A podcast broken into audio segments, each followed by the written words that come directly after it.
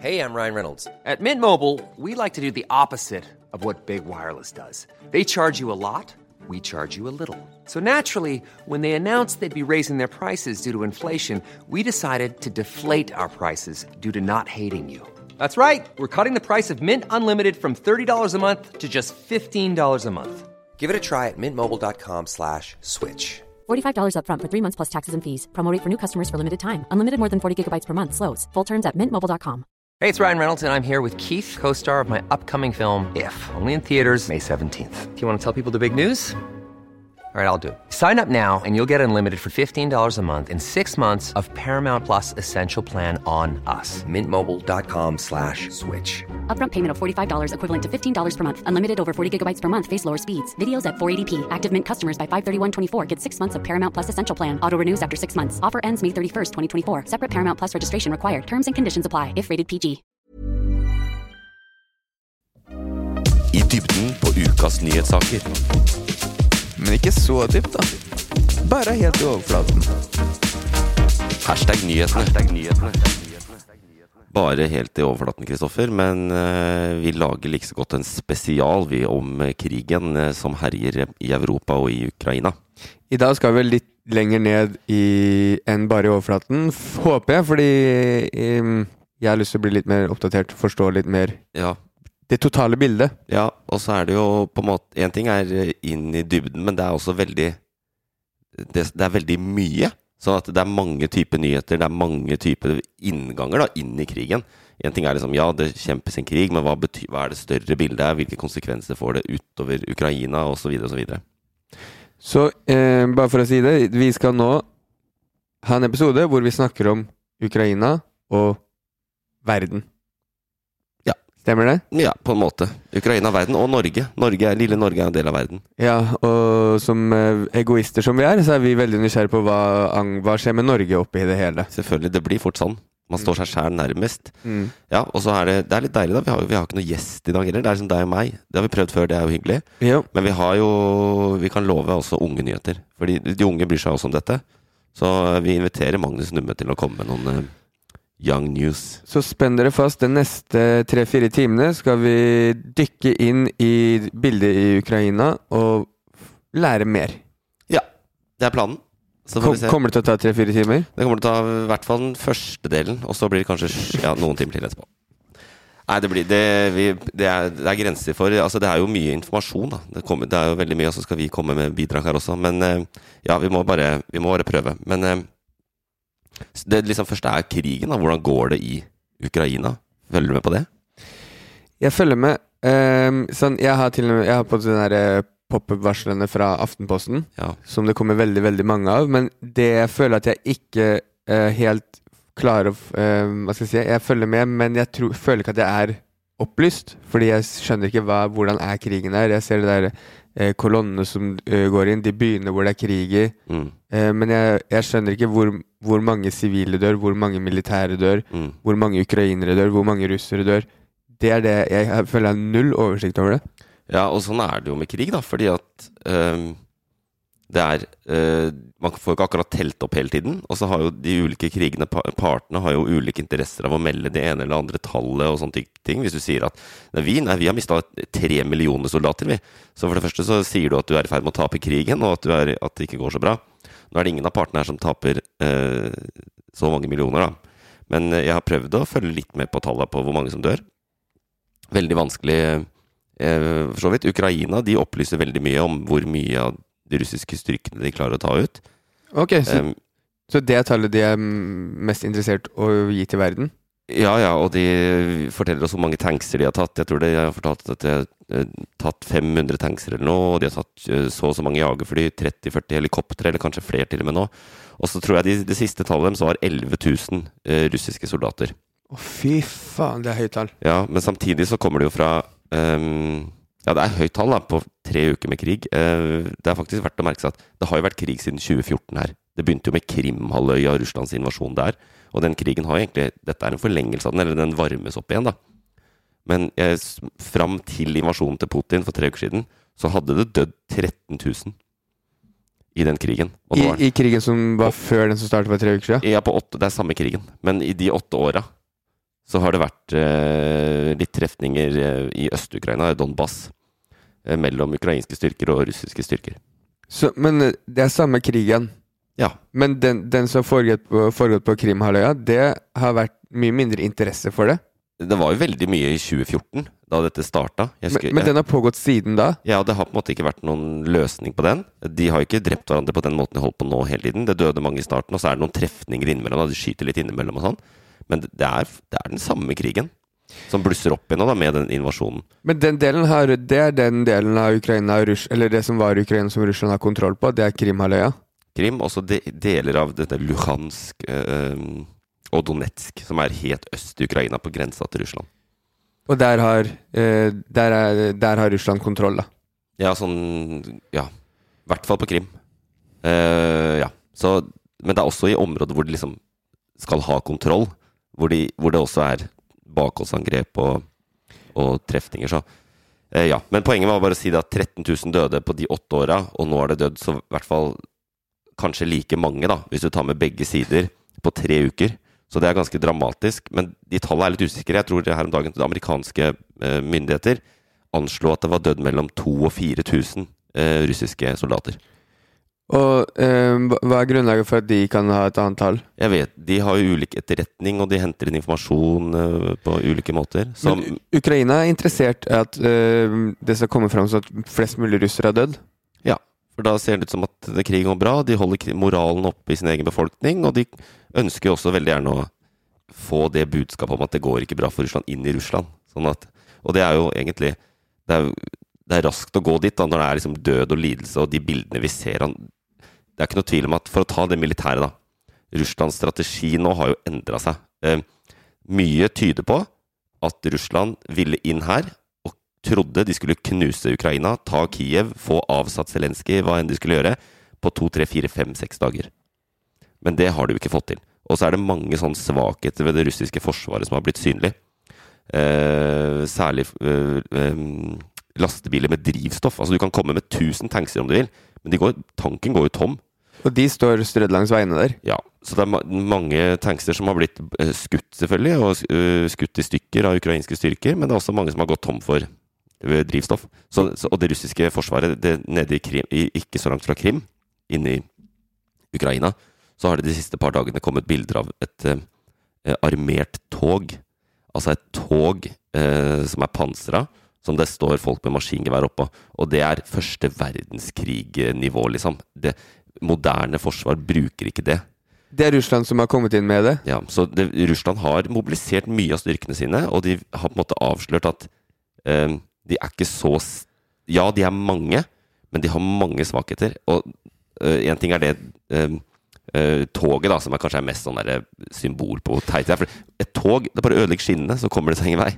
Så det, er, ikke sant? det er veldig gammeldags krigføring. Og så er det også eh, De bruker jo jernbanen da, til å komme etter med forsyninger. Mat, ikke sant. De må ha drivstoff. Og nå, Til der de har klart å komme inn og få kontroll. ja, eller ja, i, rundt omkring i Ukraina. Og da ja, eh, Så kommer det jo videoer, fordi folk står og filmer. Det er 2022. Uh, hvor vi ser nå at det kommer liksom Ladar, eh, gamle lastebiler som du Ikke sant? Så? Russland har, har rett og slett tenkt sånn Ok, vi trenger mer eh, transportmidler. La oss gå inn på det gamle mm, museet vårt og grave fram noen gamle ting fra første Ja, og det var banteren mot det der toget. da At oi, her er, nå går det så ille at russerne har vært på, vært på liksom krigsmuseum og henta det, det var det. Ja, ja. Fordi det var det første jeg lurte på. på jeg spør, spurte noen der, der de har vært. da Ja. For det er jo ikke bare at de toga bare står et eller annet sted uh, de siste 60 åra. Nei, de er jo De er i på en måte Russlands Det er jo en del av forsvaret deres, men, Ja, okay. ja, men de har mye gammeldags, da. Mye gammelt materiale. Så, men det er jo greit nok. Eh, og det er det som var poenget mitt, eh, som jeg ville si. At én ting er krigen på bakken, men det er jo ikke noe tvil om at Ukraina vinner den informasjonskrigen. Vi ja. eh, at de har klart å skape et bilde av at de gjør det veldig bra, at Russland sliter, at eh, at invasjonen ikke går som det skulle, da. Og det er jo antageligvis Hvis det fortsetter sånn som nå, om det tar en uke, om det tar mange måneder eller to år, så, så Og så spørs det hvor mye Vesten blander seg inn, og Nato og sånn. Men Ukra eh, Russland driver jo en sakte framrykking her. Og det, det, de vil eh, rykke framover. De er flere, De har mer utstyr, men, det, men, men poenget er bare å si at det har også vist at det er ikke så lett som de trodde. Ja. Ja. Eh, men eh, Ukraina har gått ut med det tallet. Har russerne gått ut med noe tall på antall døde? Eh, Ja, de hadde noen tall eh, tidlig, men det var mye lavere. Da. Jeg tror de har opplyst eh, det høyeste tallet på døde soldater var 500 eller noe. Men, men også- Russland vil vel ikke at eh, verden skal få høye tall på døde i den krigen? Fordi den blir jo større og større syndebukk hvor høyere tallet er. Ja, og det Putin sier, er at dette er en spesiell militær eh, intervensjon som skal demilitarisere Ukraina. Det er ikke noen krig, egentlig. Han vil jo ikke si at dette er en stor, blodig krig. Men det er jo en stor, veldig blodig krig. Og det dør også sivile i denne krigen. Og det, det var det jeg skulle si, at krigen har skifta litt. Fordi den inva bakkeinvasjonen, rull inn, ta Kiev, det virka jo ikke. Fordi ukrainerne kjemper med, med blod og tann, liksom. Så nå har det virker som at de har eh, tre uker ute nå, eller for noen dager siden, så har de begynt å endre litt på det. Og hva kan du gjøre da? Jo, da har du jo missiler, da. Så de skyter missiler. Den lyden lager de. Ja, og da inn i ukrainske byer. Eh, Kharkiv, nest største byen i Ukraina, har jo blitt Altså, bildene derfra, det er jo helt forferdelig. Og da, hva, man, hva skjer når man sender inn hundrevis av missiler som rammer et område på noen hundre kvadratmeter eh, midt i en by? Jo, da dreper du sivile. Men eh, de sivile Er det sånn at de beskjed i forkant nå kommer det, nå kommer det til å komme missiler inn, det sivile får muligheten til å forlate, eller er det overraskelsesangrep? Det har vært eh, Vi er vel akkurat nå også inne i en tredje, tror jeg, eh, våpenhvile, hvor russerne sier at nå skyter vi ikke på noen timer, så nå er det mulighet til å rømme fra byene.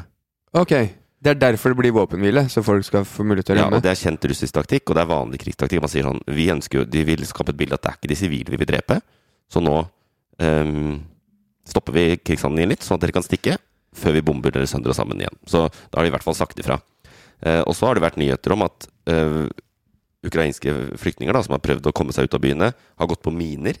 Men igjen, det er informasjonskrigen, vi vet ikke. Men også at det, det har blitt drept eh, sivile på vei ut. Og det FNs offisielle tall på sivile døde tror jeg ligger rett over 400 sivile som har dødd. 400 sivile? Mest sannsynlig er det et mye høyere tall. Men eh, sant, seriøse aktører som FN vil holde igjen lengst mulig og, og ikke overdrive disse tallene. Ja, så ikke de må nedjusteres. Mm. Men ehm, informasjonskrigen, da. Ja. Det føler jeg er den delen som eh, Eller det er det som gjør at vi får med oss hva som skjer. Mm. Men hva, hva, hva vil det si, informasjonskrigen? At eh, partene i krigen kjemper også en kamp om å vinne liksom, narrativet. Historien om hvordan krigen går, hvem som er den gode, hvem som er den onde.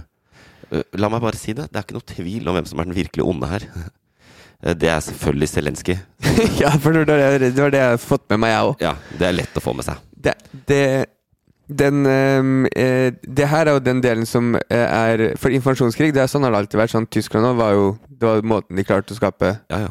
eh, krig på. Men ehm, For Eh. bruke et, men for å bruke et begrep fra min egen forskning, så er jo det vi, dette er jo hypermediert. Altså, det kommer Det kommer eh, beskjed eh, på Twitter ett sekund etter at det har gått en flyalarm. Det kommer videoer ett sekund etter at en tanks har blitt skutt. Altså, det, det, NRK liksom er åtte timer bak Twitter.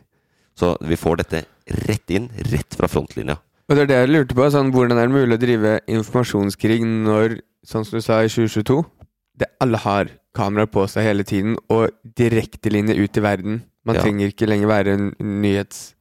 Eller redaksjonelle nyhetsbyråer, da. Som man, det, man kan jo bare gi den informasjonen man vil. Ja, men ingenting er jo Det er jo ikke sånn at eh, en video forteller jo ikke all sannheten. Så det kan jo være eh, Men hvordan skjule sannheten, når av alle kan legge ut ting, da? Ja, i noen av de første dagene da, så var det jo en sånn bilde som verserte rundt omkring. Kanskje sett det. Det var sånn der ukrainsk tanks med ukrainske soldater som sto og vinka til to barn som sto med ukrainsk flagg og vinka farvel til soldatene i krigen. Som ble rapportert i starten at å, se, sånn, eh, tenk på barna, Ukraina kjemper, ikke sant. Det, det er de, I den krigen så er Ukraina veldig viktig for dem å bygge bildet at de er heltene her som står opp, og de er eh, David mot Goliat og alt det der. Så viste det at det bildet var ganske gammelt. Det var noen år gammelt, og det var, og det var et oppstilt bilde. Sant? Det var et mm. eh, staged, da, for å bruke godt norsk.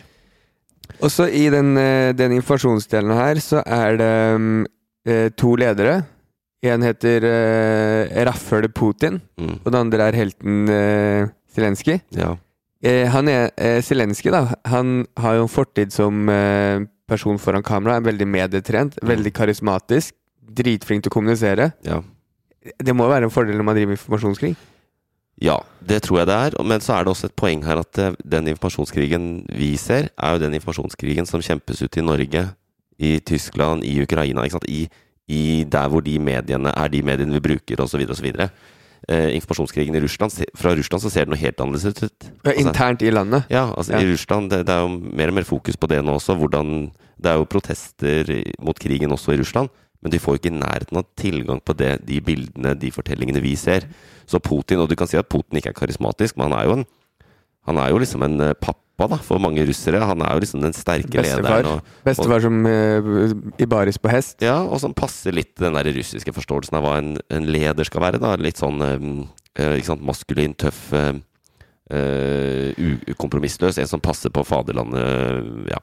Men det her, det vi snakker om nå, er jo da den russiske informasjonsdelen er hvordan fortelle landet internt at det de gjør er riktig, og at lederen deres har tatt et riktig valg, mens den andre delen er hvordan fortelle resten av verden.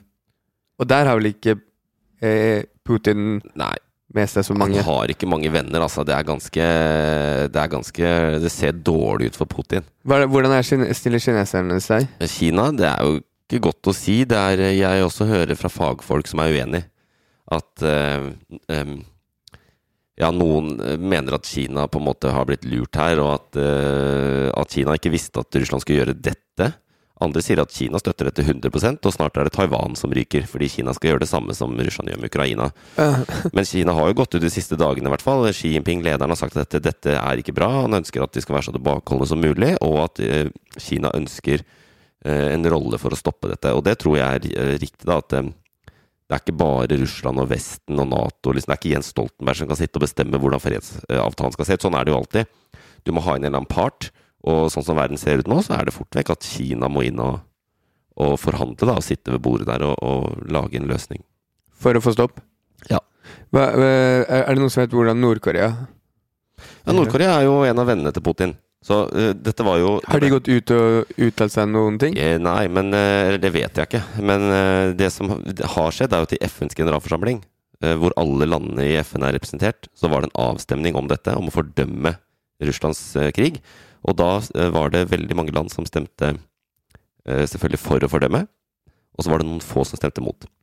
Nå har jeg ikke den lista her, men jeg tror jeg husker det. De som er vennene da, til eh, Putin her, det var Kina. De stemte mot. Så de har en vanskelig rolle her, da. Men de stemte mot, og, de ville ikke fordømme. Så de var på Team Putin. Nord-Korea var på Team Putin. Eh, Iran var på Team Putin. Syria var på Team Putin. Og eh, hva heter det? Eritrea. Så der har du kobbelet. Der har du vennene, da. Så kan du se på hvordan styresett de har i de landene. og Og, det, å fordømme, det betyr bare at sånn fy-fy, det er ikke greit, eller? Det er det man stemmer for? I, men i lengste konsekvens, eh, dette er jo Altså, du kan si at den har mest symbolsk betydning. Men eh, jeg håper jo når denne krigen er over, at Putin blir stilt for en krigsdomstol. Og at det blir tatt et oppgjør med han. Og at hans, han blir liksom huska som Stalin, da. Eller eh, for å si eh, en slags Hitler. Ja. Ja. Men øh, øh, hvordan foregår det? Bare for jeg ble litt nysgjerrig på det. Hvordan foregår sånn avstemning? Er, møtes de i et rom? Ja, i New York. Å ja, Ja, ok. På Manhattan. Ja, fordi jeg følger den der Putin-jet-Instagram-sida hvor du følger hele tiden hvor Putin er. Han Ja. som har uh, hacka seg inn på det systemet. Ja. Og da, det er derfor jeg, jeg bare ser Ok, nå lander han i, han landa i New York. Nei, Putin. Han var ikke der. Nei, det er ikke Men jet, flyet hans var der. Ja, det skal jeg love deg Putin ikke var. Han Da er det, er det eh, representanter. Hvis, hvis han hadde møtt opp der, hva hadde skjedd? Da Nei, ingenting antageligvis. De hadde ikke Det er det som er paradoks. Det er i verden. da Hvis han hadde møtt opp der, så hadde han fått Så hadde den amerikanske stat brukt eh, x antall millioner kroner på å beskytte han. eh, Med politi og militæreskorte. Og så hadde de fått han inn der, og så hadde han holdt en tale, og så hadde de kanskje snudd ryggen til, eller sånn, så hadde han reist hjem. Og så han satt på cuffs og sa You got the right to remain silent. Mm. Det hadde vært sånn Everything you can, say can and will be used against you. Nei, det er jo ikke det, men en sånn derre drømmescenario. In the vi, court of international law. vi har jo snakka om før, og det er jo mange som sier at dette, ender, dette må ende med Putins fall på en eller annen måte. Og hvordan faller en diktator? Det er ikke sånn at de bare går av. Så vi har snakka om at noen i Hva er det? Uh, Defenstrere. defenstrere, ikke sant? Dytte ut av vinduet, eller noe sånt. Men det er klart, det, det hadde jo vært For historiebøkene hadde vært helt rått hvis han ble drept i FN. At det var sånn uh, Presidenten i uh, eh, eh, Laos eller eh, St. Kitts og Nevis hadde bestemt seg for at jeg tar den for laget. jeg. Ja, og stabber den i ryggen med en dolk mens han står og taler til FN. Organisasjonen for fred i verden. Det, det hadde vært er klart, eh, det er mange paradokser her. men eh, for å si det sånn, da. Organisasjon for fred. Det finnes eh, omveier til fred. Eller snarveier. Ja. Eh, fordi. Det er, ja, den, det er jo enkeltpersoner her som skaper krig i verden. Ja.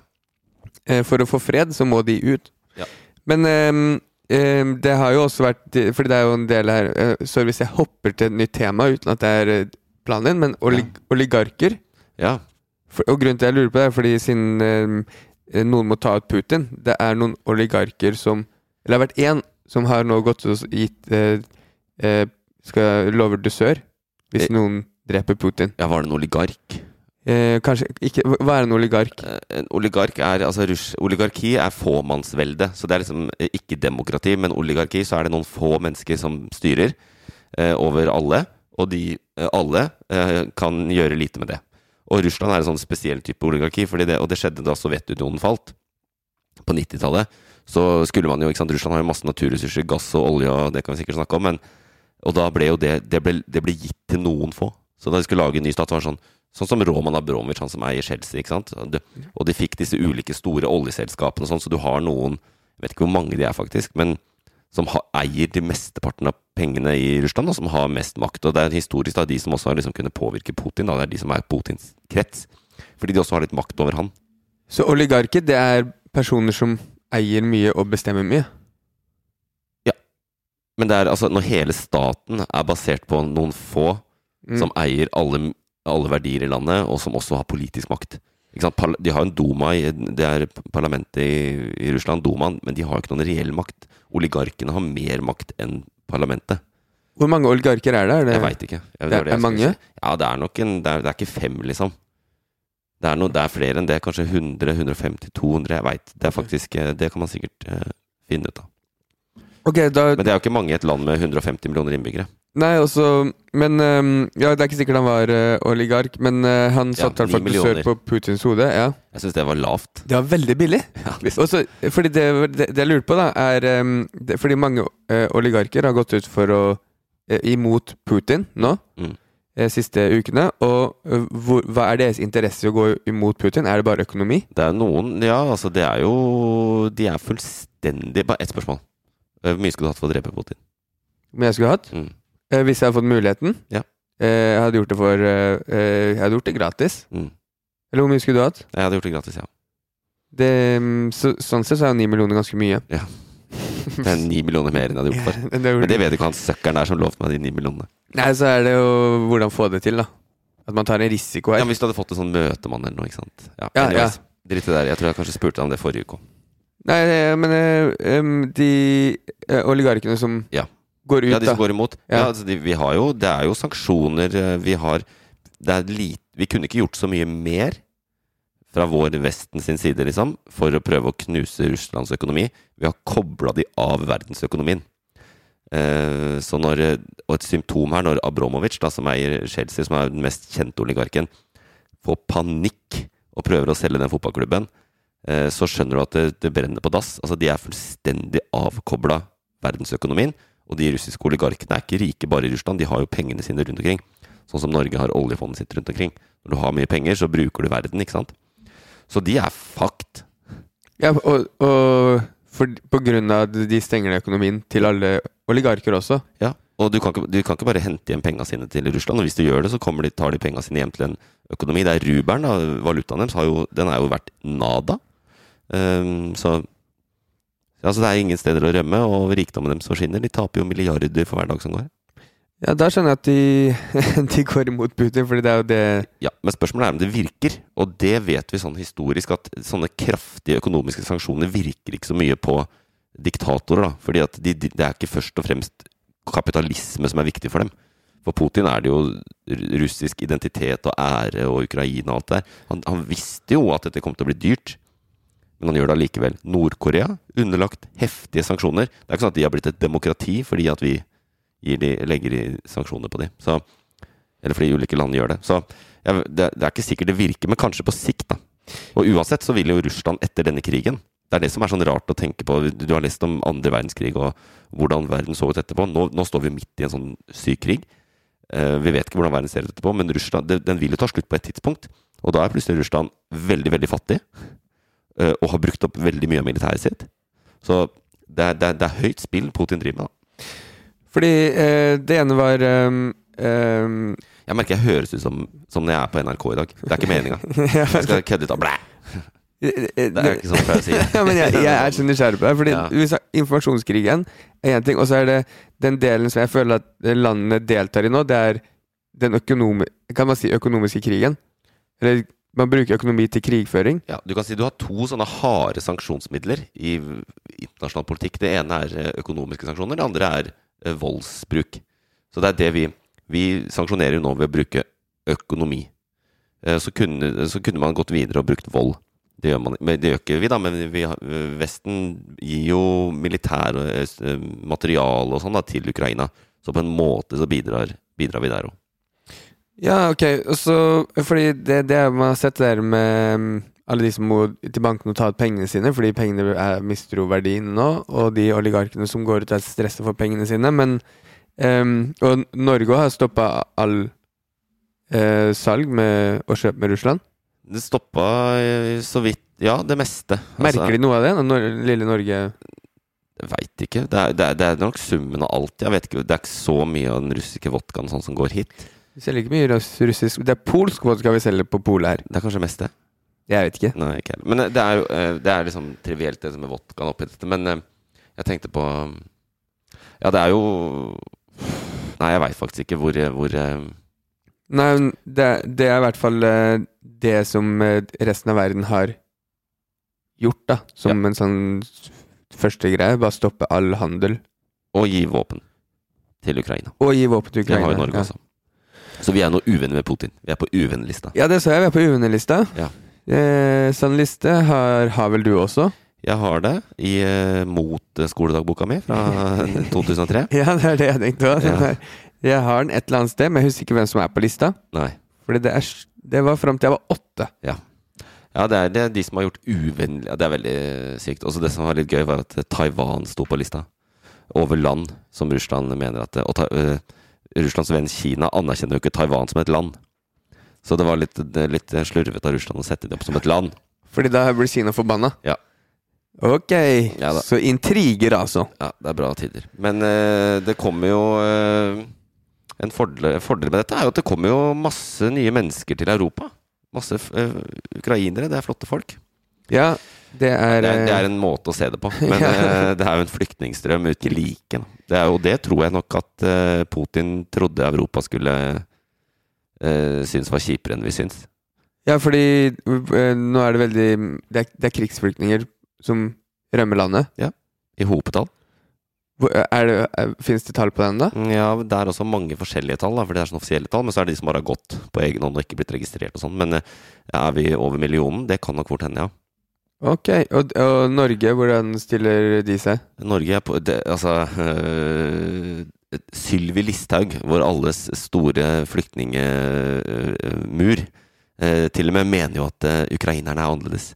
De vil kunne integrere seg godt, og derfor må vi ikke bruke de vanlige reglene for disse. Disse må vi gi spesialbehandling. Forskjellsbehandling? ja. Forskjellsbehandling, rett og slett. Ja. Så Det kan hende at uh, Ho- det- Listhaug har en greie for uh, blonde, vakre kvinner. Ja, Ja. så er det Med, med lite melaninrik hud. Og så er det um, Hun har sett også på denne På alt det hun får gjennom informasjonskrigen. Så Ja. ser hun at oi, shit, det her er bra folkeslag. Det her er hardt arbeidende Yes. folk som står sammen. Ja. Få de inn her. Nei, men Norge er positiv. Altså. Norge gjør sin del. Og det er, hvis vi, det er jo Sammenligner vi med 2015 da, og migrasjonskrisa i forbindelse med Syria, så da var det jo stor motstand. og Europa klarte ikke å bli enig, og man bygde gjerder isteden. Så det mange, ble satt opp masse gjerder rundt Europa mellom landene, så ikke de skulle komme seg hit. Og Norge var superhappy da, fordi vi innså at vi lå helt i nord, så nå er det ingen som kommer seg hit. Er, mens nå er det jo bare Her er vi helt enige. Vi fordeler, vi slipper inn. Uh, ja, det har vært noen utfordringer, da. Men uh, generelt velvillig til å hjelpe disse folka.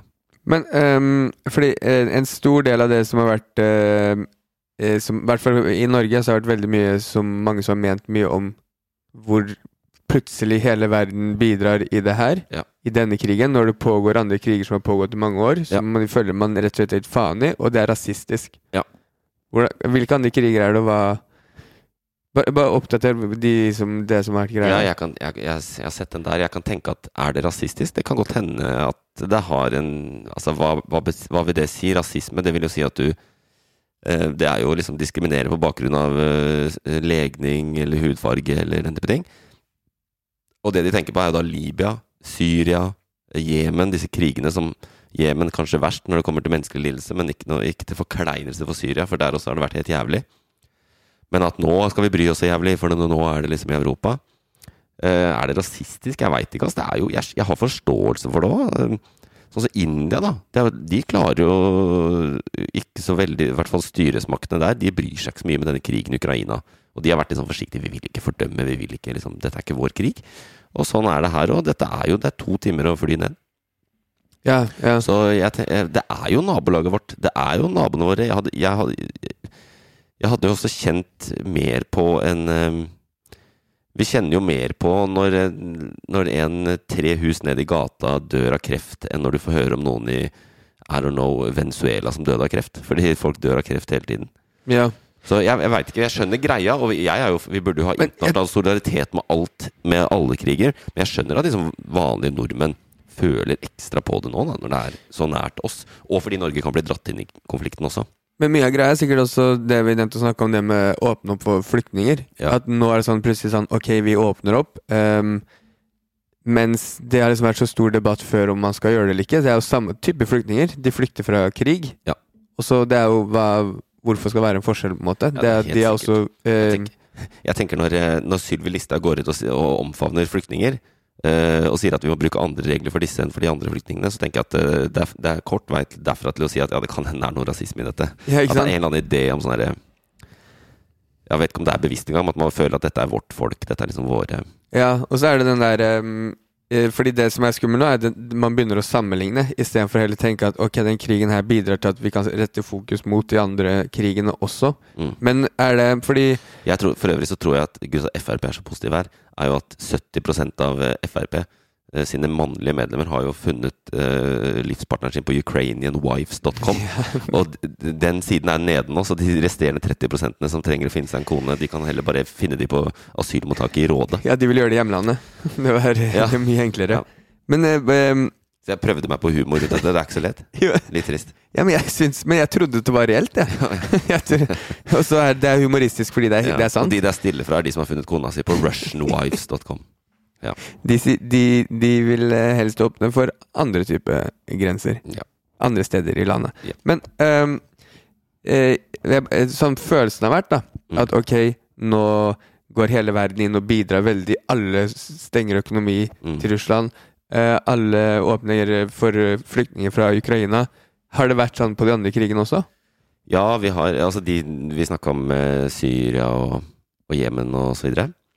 Eh, ja, du kan jo godt si både ja og nei. Eh, det, er, det er helt andre typer konflikter, da. Men eh, Syria, der, var vi, der var vi tøffe med Assad-regimet. Jemen, der, og la oss ikke gå inn i det, men der har jo norsk våpeneksport til Saudi-Arabia annet blitt brukt i krigen. Så nei, litt eh, Og det er ikke Saudi-Arabia sin side vi står på der, når eh, uh, Det er bare havna der, i Saudi-Arabia? Nei, Norge sender våpen. Handler med flere, og øhm, om det var Saudi-Arabia, i hvert fall Emiratene, og flere av de partene som, som bomber uh, hjemmet til helvete, da. Så, men det er egentlig en helt annen podkast, da, men uh, Ja. Jeg bare, eh, for det jeg bare lurer på, er ha- ha- Har ehm, Eller ehm, ja, har strupa eh, Har resten av verden vært med på å stoppe salg, eller har, har det hatt noen effekt, da, hvis det hadde gjort det?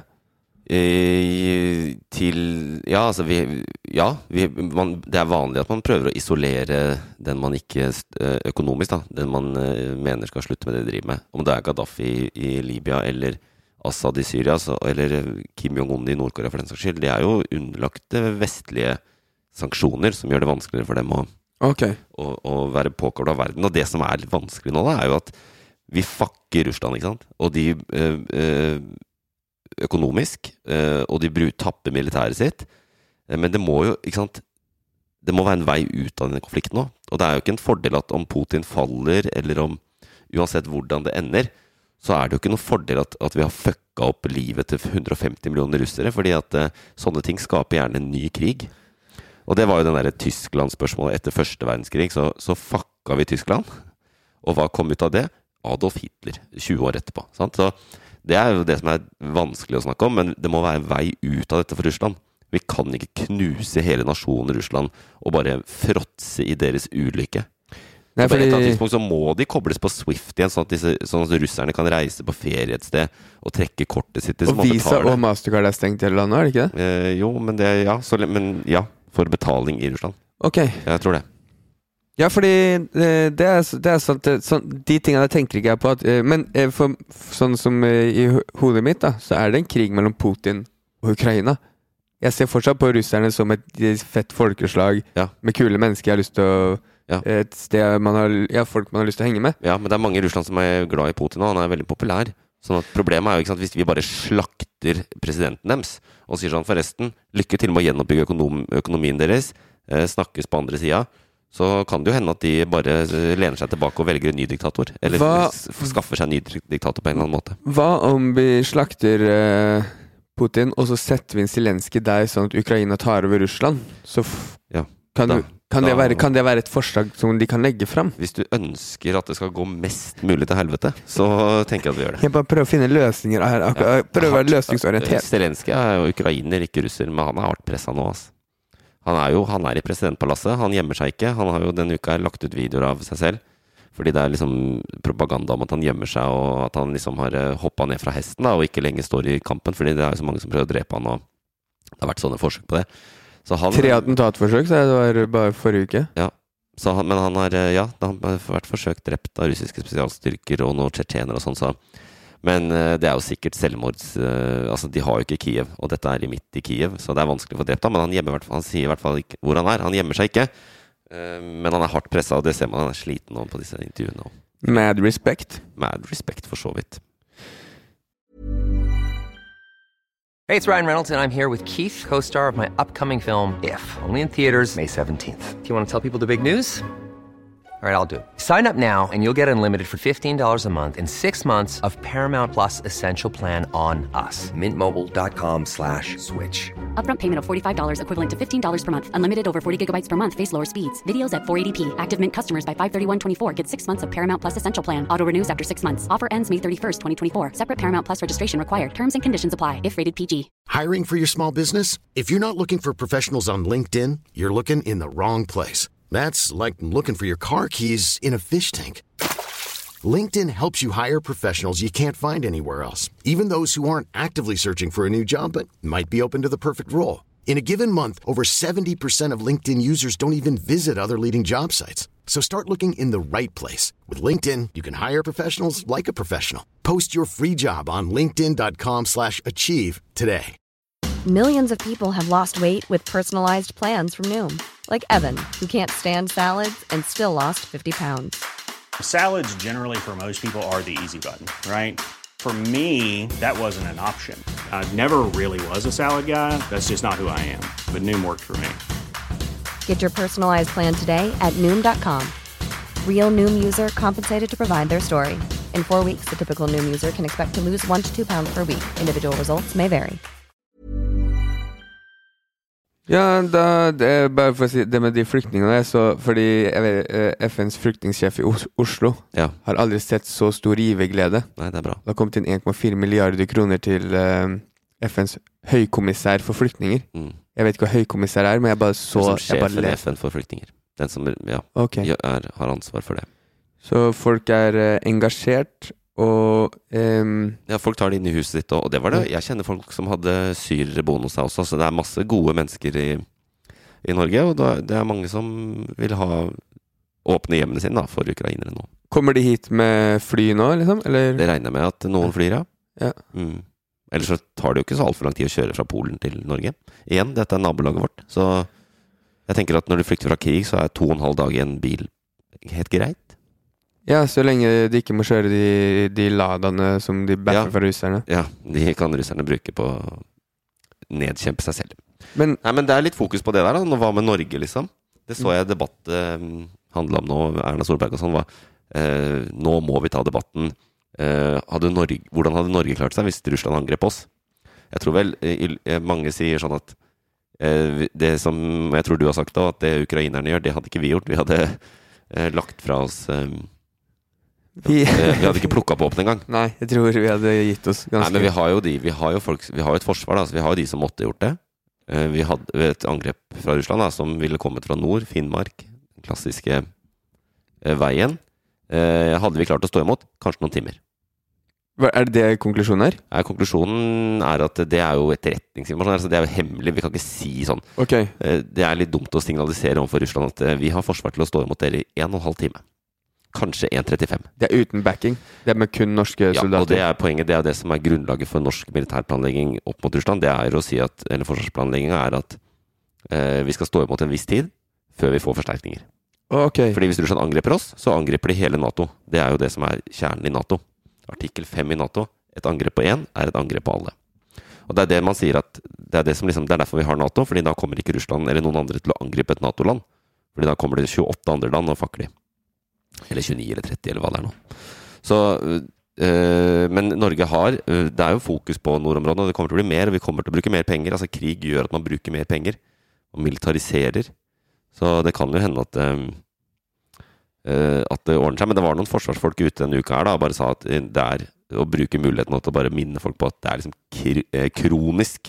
Jeg tror jeg de sa mangel på våpen, ammunisjon, folk, personell som kan bestille ammunisjon og våpen. Eh, Så I Norge? ja, så vi har på en måte ikke Vi har ikke et forsvar som tar en krig med Russland skikkelig på alvor, på en måte. Jeg, da, da jeg var i Bodø, så husker jeg de, det kom jo ammunisjontransport eh, eh, Ja, om, i hvert fall ukentlig. Og det var store lastebillass med ammunisjon som da ble brukt i fredstid på skytetrening. Ja, så du syns, du, For deg så tenkte du det var nok?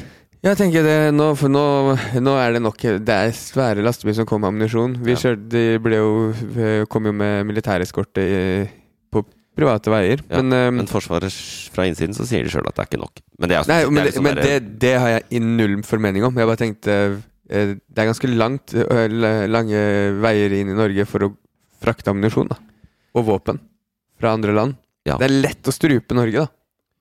Ja, men hvor mye ammunisjon? Det er jo ikke bare at vi kjøper den fra utlandet. Vi har jo en våpenfabrikk som heter Nammo på Raufoss. Mest joviale sted i Norge. Ja, det er der det produseres. Er mye. Og så Kongsberg. Det er det vitale mål. det er det, de første som ble tatt ut. Ja, ja, ja det er bare det er to, to taktiske atomvåpen, det, så ja. Nei, men eh, det er jo litt det som Det er litt søtt da i Norge. Det som på en måte har kommet ut av dette i debatten, er jo om SV som begynner å lure på om vi må bli med i Nato. Eller en del folk i SV. SV er jo et parti som ble stifta Men er ikke vi med i Nato? Eh, sa jeg burde Ja, ja, men jo. eh, det er vi. Men SV lurer på om de skal skrive i partiprogrammet sitt om de skal endre sin politikk til å være at Norge ikke burde melde seg ut. Å ja, for det, det mener litt, de. litt viktig presisering. Eh, ja, nei, de, de har i partiprogrammet sitt at Norge skal melde seg ut av Nato og søke alternativet, gjerne f.eks. nordisk forsvarssamarbeid. Og ikke være så avhengig av USA. Og så har det kommet debatt nå, da, nå se hva som skjer. Vi trenger Nato, vi trenger sikkerhetsgarantier. Og så klarer de ikke lande helt på det, da, men det er liksom Ja, det er det, der står debatten i Norge, på en måte. Ja, ikke sant? Mm. Um, så nå har vel SV aldri vært nære å tenke at ja, ja, ja vi, vi, vi, vi, vi bør være en del av det. Jeg tenker at de er nærmere enn de har vært, men jeg tror ikke de kommer til å ombestemme seg, og det er jo liksom greit å ikke være så nærsynt, da. Har det noe å si om de ombestemmer seg eller ikke? Nei, ingenting. Nei. Ingenting. Og det, har, det er liksom paradokset. De, de bærer den fanen, men de, har jo, de gjør jo ingenting aktivt for at Norge skal melde seg ut. Altså, de bare sier det er det vi mener, altså. Men vi skal ikke fremme det for noen. Det ikke, Fordi vi mener det egentlig vi mener det. Vi må Ja. bare si det. Fordi. Ja, Ja, og det er jo, jeg har jo jobba med en del sånn folkeavstemninger på utenrikspolitikk og skrevet noen rapporter om det og sånn. Så, og der, en av de tinga jeg har funnet der, er jo at SV-velgerne er jo ikke så skeptiske til Nato i det hele tatt. Så de som stemmer på SV, de sånn De, de holder seg kanskje for nesa når de tenker på det med Nato. Fordi jeg tror 70% av de før krigen var sånn eh, Norge bør være medlem av Nato. Men jeg stemmer SV allikevel. Det kan være andre ting som Det er bare for å ha, ha en mening der. bare for å ha en mening, eh, men det blir selvfølgelig vanskeligere når Russland gjennomfører eh, eh, invasjonskrig i Ukraina. Ja. Så det er Ja. Men vi, vi, ikke, vi, eller vi var så vidt inne på det med våpen. ja. Eller eh, også andre land i Norge da, som er rundt nå. Mm. Er, fordi eh, Det bare virker som USA er nærmere nå enn de har vært til å faktisk begynne å delta i krigen.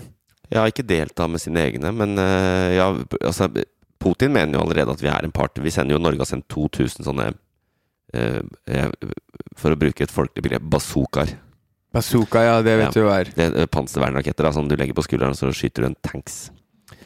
Eh, og veldig mange EU-land har bidratt med det, og det store spørsmålet nå, da, det som liksom rører seg nå, er jo om vi skal, vi skal hjelpe de med fly. Fordi mest sannsynlig så har Russland skutt ned alle flyene til Ukraina. De hadde ikke så mange. Eh, og nå har de røket. Så, og de trenger fly. De taper luftkampen, på en måte. Tror vi. Mm. Eh, hvis ikke så hadde f.eks. de lett kunne bomba den der seksmilskolonna. Den kunne bare smakka ut med jagerfly. ikke sant? Men det virker som de ikke har noen jagerfly, da, for å si sånn. Ja. Så Eller de- bakkemissiler. Eller sånn bakke-til-luft-missiler. Eh, Det har de. Det har de, ja. Ja, for de skyter ned fly hele tiden. Ja, de har luftvern. Ja. Men de har ikke jagerfly som kan f.eks. gå løs på en sånn kolonne. Eller forsvare ikke sant? Forsvare Ukraina mot helikopter eller andre jagerfly bla, bla, bla. Så, eh, så det, det er litt sånn artig, hvis jeg kan bruke begrepet artig, spiller rundt akkurat det der. Fordi Polen eh, Ukraina, de, de fors, luftforsvaret deres, det er, det er MIG, da. De russiske jagerflyene, de kan fly. ja. Og det er ikke så mange land i Europa som har. Russland har vel de. Russland har MIG. Ja. Men de har foreløpig ikke sagt seg villige til å donere noen fly til Ukraina. Nei, så de har stilt seg på bakbeina der. Ja, de var litt vanskelige. Og så er det Polen. Og Polen har lyst. Men Polen har også vært sånn Dette er helt ferskt, så vi får se åssen dette går. Men Polen har vært sånn Vi har lyst, men vi er ikke så keen på å gi de direkte, fordi vi tenker at vi er liksom Polen. Og da blir Russland sint på Polen. Det er bedre at Russland blir sint på USA, fordi USA er veldig store og sterke. Så Polen har nå tilbudt, jeg tror det var nesten 30 eh, MIG-fly, som de har flydd eh, slash skal fly til Tyskland, til en sånn Nato-base i Tyskland, og si til eh, USA at ja, dere kan få disse, så kan vi få noen jagerfly tilbake av dere.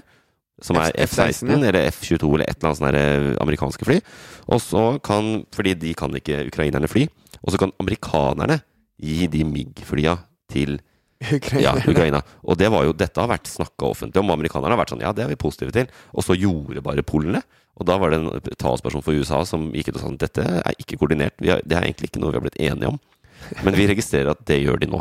Og så er jo uh, Så Polen var litt ekstra gira. litt ekstra på keen på Det er bra deal for de da. Kvitte seg med uh, jagerfly, uh, sovjetiske jagerfly fra 1985 og få noen litt ferske amerikanske, mer tekno, teknologiske fly. Men ja, no, amerikanerne virker litt kjølige. De også tenker kanskje at det kan eskalere krigen litt mye hvis vi nå bare gir jagerfly til uh, Ukraina. At vi blir liksom medkriger, da. Det, det er så fucka hvordan eh, Ok, det her er åpent. Alle i hele verden får det med seg, inkludert russerne. Ja. Vi, vi skal bare gi noen fly til USA, som vi gir. Ja. Og de sier for at de skal gi til Ukraina, Ja, men vi kan ikke gi dem direkte. Mm. Det er sånn eh, Kan vi ikke heller bare late som Ja, vi vil gjerne bytte noen migger, vi, Ja. mot noen F-16, og så kommer det eh, Oi, det skulle du ikke bruke dem mot Russland, da. Mm. Men ja ja, det Ja, har ja. ikke vi noe med. Det skal ikke vi blande oss ja, inn i nå. det, det skal ikke vi legge oss opp i. Ja, nei, kanskje. Nei, det er eh, Ja, det blir mye eh, krig. Det er bare trist, da. Det er, ehm, det er trist, men det foregår. Vi må, foregår. vi må sette oss inn i det. Det føles bare så kjølig å snakke om det. Jeg vet ikke om du føler på det, men når jeg prøver Jeg- liksom å forklare ting og være sånn ikke, liksom bare, ikke bare opptatt av døden og fordervelsen, det er jeg hele tiden. Jeg syns det er det verste, men vi må liksom prøve å forstå hva som skjer òg. Vi må forstå hva som skjer. Det som er sånn som etterpå igjen, og resten av uka som har kommer, og den som har vært, så sitter jeg og ser på filmer Mm. som er helt jævlig å se på. Mm. Eh, Foreldre, eller fedre som sier ha det til barn og eh, samboere og koner. Mm. Og da vet Det kan være siste gang de ser hverandre. Og du ser eh, Man ser jo fly bli skutt ned hele tiden i Ukraina, og folk Mm. står og jubler. Og så tenker man inni der satt en fyr som egentlig skulle vært et annet sted. Ja. Så det er, det er den triste delen. Det får vi inn hver dag, men Mm.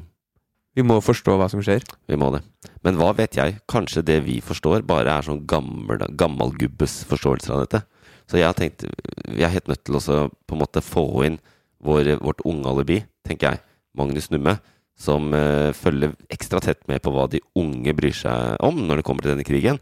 Og det finner vi jo som vanlig ut i ukens Unge nyheter.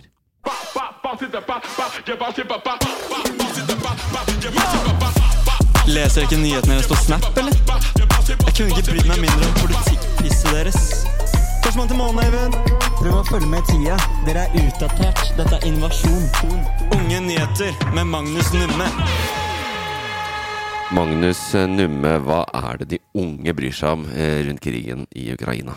Eh, først vil jeg bare si at ehm, Det er et politikersvar, men det er greit. Først vil du bare si. Ok, da skal jeg ikke si det. Jo, si det. Da sier jeg heller Ok, jeg må bare si Ja. uh, at uh, det har vært litt Litt drøye videoer uh, ut om dagen på TikTok. Ja. Det er ikke helt det vanlige jeg er vant til å se. Nei. Så unge nyheter, og jeg har vært litt sånn surrete pga. denne krisen her. Ja. Eh, og da må jeg bare si um, Og nå, nå vil jeg ikke høres ut som en historiker, Nei. men uh, under den kalde krigen uh, så hadde jo det ikke disse sosiale mediene. Nei. Så det, det her er, og jeg har aldri opplevd krig før.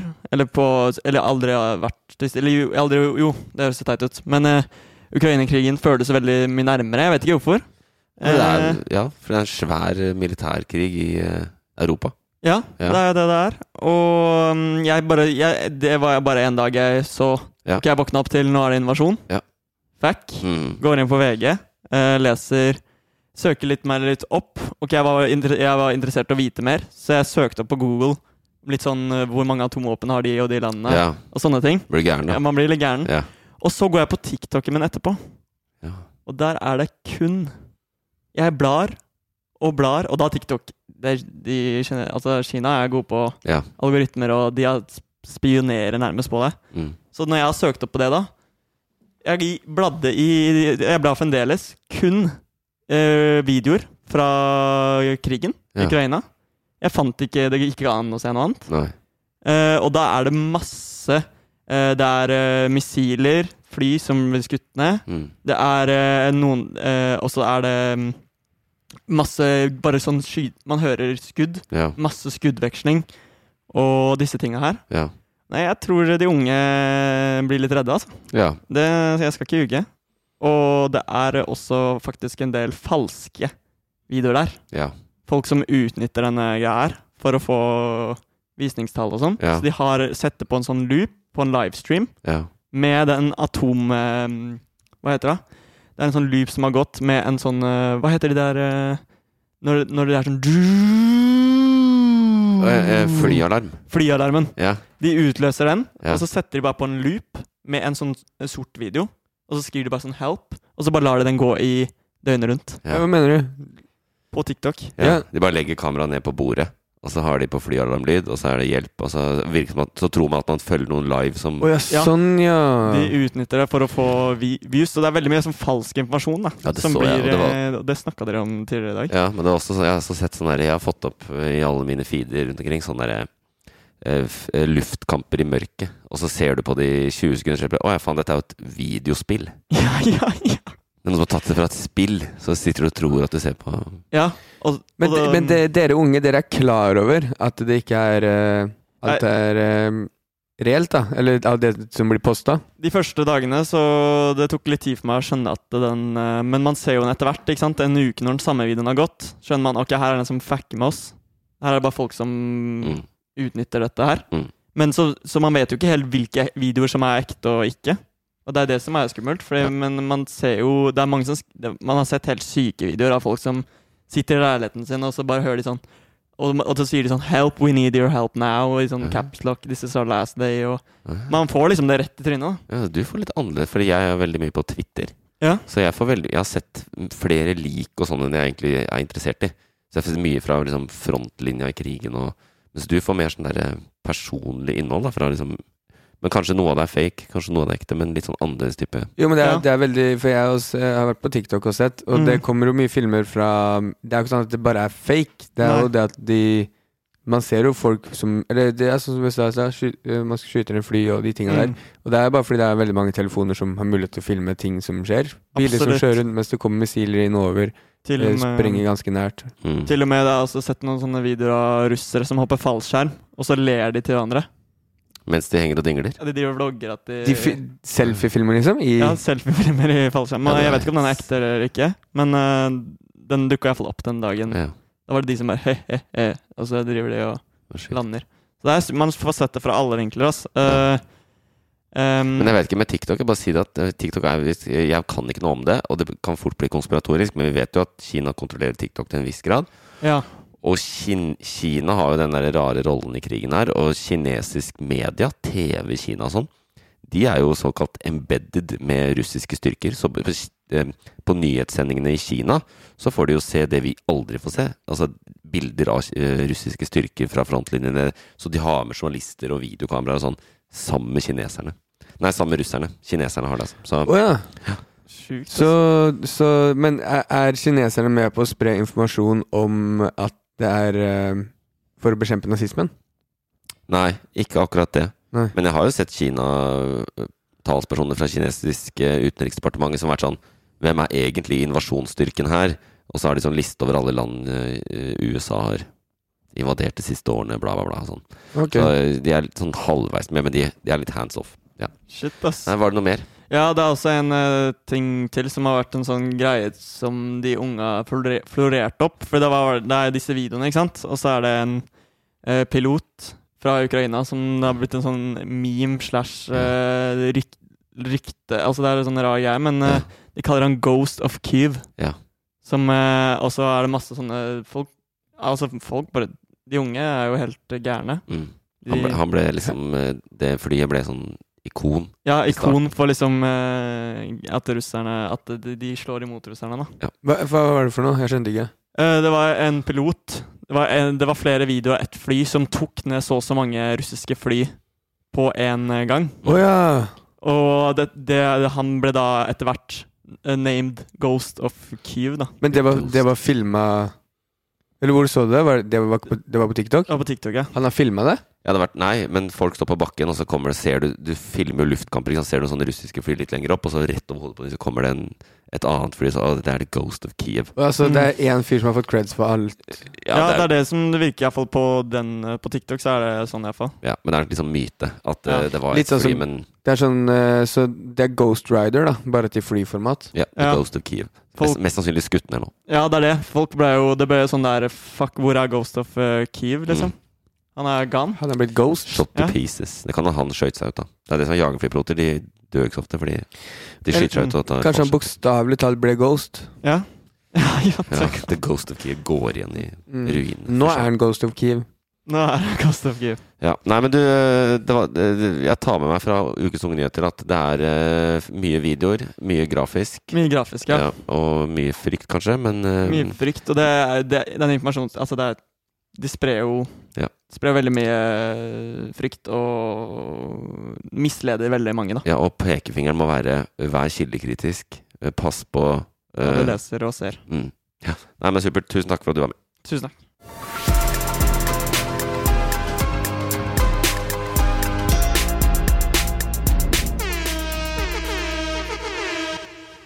Og det er jo Det ble en time, det, om krigen. Det er jo Vi har jo tenkt eh, Vi går jo liksom eh, for en spesial denne uka. Har fokus på det. Det, det preger oss veldig, men vi kunne jo snakka om andre ting, da.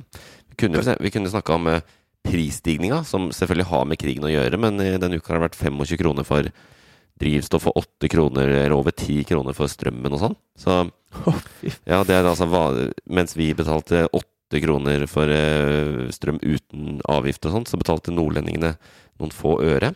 Så den type ting, da. Og at vi Det er pga. krigen? Ja, delvis. Ja, ja. delvis. Og, og, ja, så kunne vi snakke om at eh, de har økt De har forlenga strømstøtten. Halleluja. Ja. Ut april. Og bare vent og se, den kommer til å bli forlenga mer eh, med de strømprisene som er nå. Norge tjener jo faen så mye penger på denne krigen. Jesus Christ. Og oljeprisen skutt i været. Jeg tror staten hadde regna med inntekt i år på mellom 200 og 300 milliarder i oljesalg. Eh, nå kan det se ut at det kan bli nesten 2000 milliarder. Hæ?! Yes. Krig. Å, fy! Ja, så det kommer til å bli debatter om hvordan staten skal bruke dette for å hjelpe øh, folk som har fått det så dy mye dyrere, fordi maten har blitt dyrere, alt har blitt dyrere. sant? Så flybilletter skal bli dyrere fordi oljeprisen er høy. og ja. Så det, vi kunne snakke om det. Og så kunne vi snakke om at vi har fått ny uh, arbeids- og energiminister.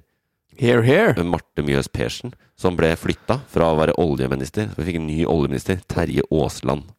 Og de blir sittende frem til man finner ut at da de var unge midt i 30-åra og ikke hadde bolig Jeg setter pengene mine på eh, to til tre måneder jeg på begge to. Så Hvem? ryker de rett ut. Hvem er de folka? Eh, nei, Marte Mjøs Persen er jo Altså, det, dette er sånn Det er vanlig med omrokering i regjering. Og nå måtte, det, saken her er jo Haja Tajik trakk seg som eh, minister, og senere også som nestleder. Litt dårlig håndverk fra den ellers strategiske Tajik. Men eh, jo, og det har vært så mye press på hun Marte Mjøs Persen. Eh, hun- er fra Bergen, og hun har forsvart disse strømgreiene fordi hun har vært olje- og energiminister. Ja. Og vært ikke så sterk i den rollen, rett og slett. Så nå når de fikk muligheten, så flytta Støre henne over til arbeidsminister. Mm. Og satte inn en ny oljeminister. da Han kommer inn, Terje Aasland. En eller annen dude. Jeg tror han er fra Skien. Ok. Ja. Satt på, sitter på Stortinget, da, men nå inn i regjeringa. Eh, sikkert flink fyr. Har ikke så mye Jeg vet ikke så mye om han. Vi kunne snakke om kvi, eh, kvinnedagen. Ja. Hør, hør, kvinner. ja. ja. vi kunne snakka om eh, Gratulerer med dagen for øvrig. Det var vanskelig i går. Vi, vi kan jo si såpass at eh, kvinnedagen uh, Hadde uh, de kvinnene vi feira på kvinnedagen, vært uh, styrt litt mer av verden, så hadde ikke verden sett så jævlig ut som det den gjør akkurat nå. det For samtlige kriger har blitt starta av menn. Jeg er helt enig. Jeg tror, dette er, eh, jeg tror eh, vi hadde hatt fred i hele verden hvis menn ikke hadde styrt land. Mm. Men det vet vi jo ikke. Vi kan snakke om Martine-saken. Kjenner du den? eh, hun som ble drept, ja. 2008. ja hva var det igjen? Eh, Hun ble drept i utlandet av en eller annen dude, og det var noe Jordan-tilkobling. Og jeg, jeg kan ikke så mye om den saken, men folk elsker sånn true crime. De har arrestert en person der, så det er framskritt i Martine-saken. Det var i Storbritannia hun ble drept? Eh, var det der? Ja, det var, eller var det i Midtøsten? Vet du hva? Eh, vi kunne snakke om det, men vi skal ikke gjøre det. Eh, og så kunne vi snakke om folks kulturvaner. At eh, pandemien er over, for faen. Ikke sant? Ikke vent med å bestille billetter. Ikke, ikke dra på konsert. Kom deg ut, da. Vel. Det kunne vi snakka om. Men nå venter folk og sitter Folk sitter på gjerdet og så er det sånn Ja, vel, kanskje hvis jeg er frisk, så skal jeg på konsert på lørdag, men jeg kjøper billett på fredag. Ja. Det er veldig vanskelig å planlegge konsert. Sånn har jeg alltid vært. Så ja. Eh, da har resten av folket eh, gått inn med samme vaner som meg. Det, er- det, og det er eh, døden for kulturlivet. Jeg derimot var i forrige uke på en musikal som jeg har hatt billetter til i halvannet år. Mm. Og på lørdag så skal jeg på konsert jeg har hatt billetter til i nesten to år. På- Det er pga. pandemien, da. Ja. det var jævlig lenge. Det er veldig lenge å ha billetter. Jeg, jeg tror til høsten så setter jeg rekorden. Da skal jeg på Elton John, som jeg har hatt billetter til i tre år. ja! Ja, du òg? Ja. Og Karpe i sommer. Ja, den òg, ja. Mhm. ja. Sånn er det. Det var de tingene vi kunne snakka om. Men vi har hatt en spesial om uh, Ukraina. Takk til Magnus Numme, som også kom med det, de unges perspektiv. Nei, du kan ikke si noe. Helt på tampen, et spørsmål.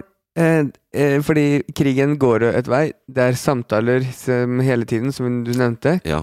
Hva er, hva, bare en, noe om hvordan samtalen er. Vil bare vite sånn cirka. Hvordan samtalen er. Nei, hvor ligger man an? Er, det, er, det, er, er man nærheten av Det ser ut som noe enes om noe. Hvor står Russland? Foreløpig så ser det ikke ut til at eh, Jeg tror jo ikke Putin gir seg før han har eh, fått Zelenskyj fra makta i Ukraina. Uh, Russland sine krav er sånn tydelige. De skal ha denne demilitariseringen og denazifiseringen, som betyr å skifte regime. De vil at Ukraina skal anerkjenne Luhansk og Donetsk som selvstendige stater, og at de skal anerkjenne at Krim er en del av Russland. Eh, Så det er mange ting de krever. Eh, Ukraina er ikke villig til å kapitulere, de sitter der og slåss for seg. Men Zelenskyj sa i går at han er villig til å diskutere Krim og deler av Øst-Ukraina. Øst-Ukraina. Som kanskje er et tegn på at han kjenner at han er pressa, og at han kanskje må gi noe der borte for å bli sittende ved makta i Ukraina. Det Gjenstår å se. Vi trenger også internasjonale spillere. Israel har vært på banen og tilbudt seg å snakke mellom partene. Eh, Så det, det prates, men eh, foreløpig så er det jo ikke noe Det er vanskelig å back, stoppe denne krigen akkurat nå. Ok. On that happy note. Så vet vi i hvert fall det. Som sagt, vi gikk for en spesial denne uka. Er tilbake neste uke. Eh, takker for følget, som man så fint gjør. Ja, takk for fin oppdatering, Øyvind. Jeg det setter jeg virkelig pris på. Prøver å sette meg inn i det, men det er så mye, mye greier. Nei, du er øh, Jeg syns du var opplyst eh, fra før, jeg. Og du stiller de rette spørsmåla. Ja, så bra. Så takk for det. Eh, takk for deg som hørte på, og ha det bra. Produsert av.